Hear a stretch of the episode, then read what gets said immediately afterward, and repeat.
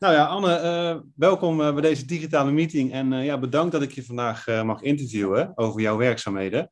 Ehm, we beginnen altijd met een korte voorstelronde, dus kun je eens aangeven wie je bent en wat je doet? Ja, leuk om hier te zijn. Ehm, ik ben dus Anne, Anne Bavelaar. ik heb een topsportcarrière achter me in de moderne vijfkamp. En eigenlijk aan het einde van mijn carrière ben ik me gaan interesseren in, of kwam ik eigenlijk tegen hoe vrouwen ook kunnen trainen en hoe de cyclus werkt en wat je daaraan kunt doen. En dat vond ik super interessant en toen heb ik dat op mezelf toegepast. We hebben het natuurlijk over herstel gehad. We hebben het over ja, verschillende uh, leeftijdscategorieën gehad en wat, uh, wat de winst is uh, die we daarin eventueel kunnen behalen. Um, hoe zit het met voeding? Hoe belangrijk is dat? Ja, voeding is ook super belangrijk. En ook daarin zijn weer verschillen tussen mannen en vrouwen.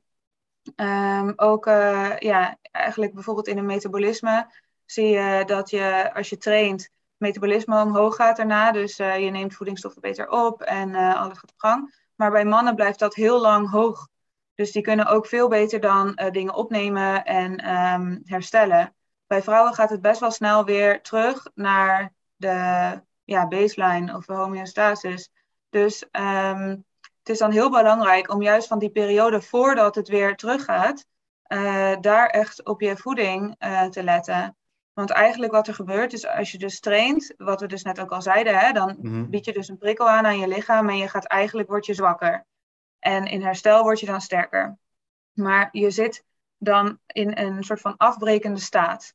Dus um, ja, een katabolische staat. Dus je spieren zijn aan het afbreken, want je hebt die prikkel gegeven. En dat blijft zo Totdat jij gaat zorgen dat er weer prikkels zijn om het op te bouwen.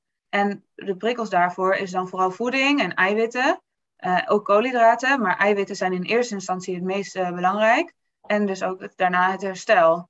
Dus je wilt echt zorgen dat je uit die afbraakstatus komt en zo snel mogelijk in die opbouw, aanmaak, spieren aanmaak status komt. Ja. Uh, zodat je ook inderdaad krijgt wat je uit je training wilt halen. En dat doe je dus eigenlijk moet je in het begin ja, zo snel mogelijk eiwitten nemen. En dan als uh, vrouw van uh, in de vruchtbare leeftijd 30 eh, gram. En nou ja, het ligt een beetje natuurlijk ook aan wat voor eiwitten je hebt. Je moet een beetje naar aminozuren kijken, maar ongeveer. Hè?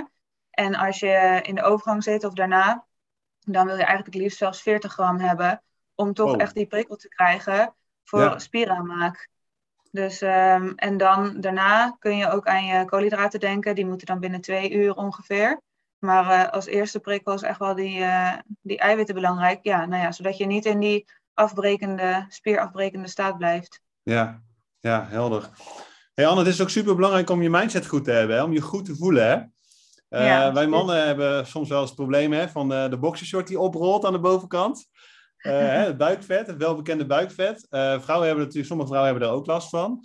Um, uh, maar het kan zijn dat je daarin stagneert, hè? dat dat, dat buik niet meer ja, zo plat wordt als je zou willen als je aan het trainen bent.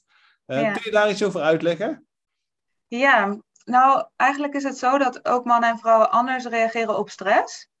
Um, dus het stresshormoon cortisol eigenlijk, daar zijn andere effecten op. En bij mannen, nou ja, als je een beetje terugdenkt in de oertijd, Um, als mannen stress hebben, dan betekent dat dus vaak oorlog in die tijd. Hè? Dus wat moet er gebeuren? Mannen moeten oorlog klaar worden.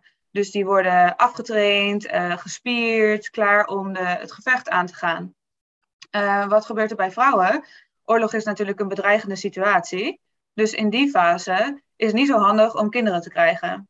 Dus uh, je lichaam die gaat eigenlijk ook in een soort van nou ja, reservestand. Dus die zetten de menstruatie uit. Uh, stress is hoog, dus we zijn aan het overleven. En uh, we gaan reserves aanbouwen. Dus dan krijgen we dat buikvet. Dat is uh, eigenlijk een soort van reserve. En juist als je dus al als atleet superveel stress toevoegt aan je lichaam, door al die trainingen te doen, plus je hebt nog een stressvol leven, er gebeuren allemaal dingen, je hebt je studie, je familie, misschien nog werk. Um, ja, dan is het dus heel belangrijk om over na te denken hoe hoog is al die stress opgestapeld op elkaar. Want dan uh, reageer je daar als vrouw natuurlijk dus ook anders op. En dan is het dus heel lastig ook om dat buikvet weg te krijgen.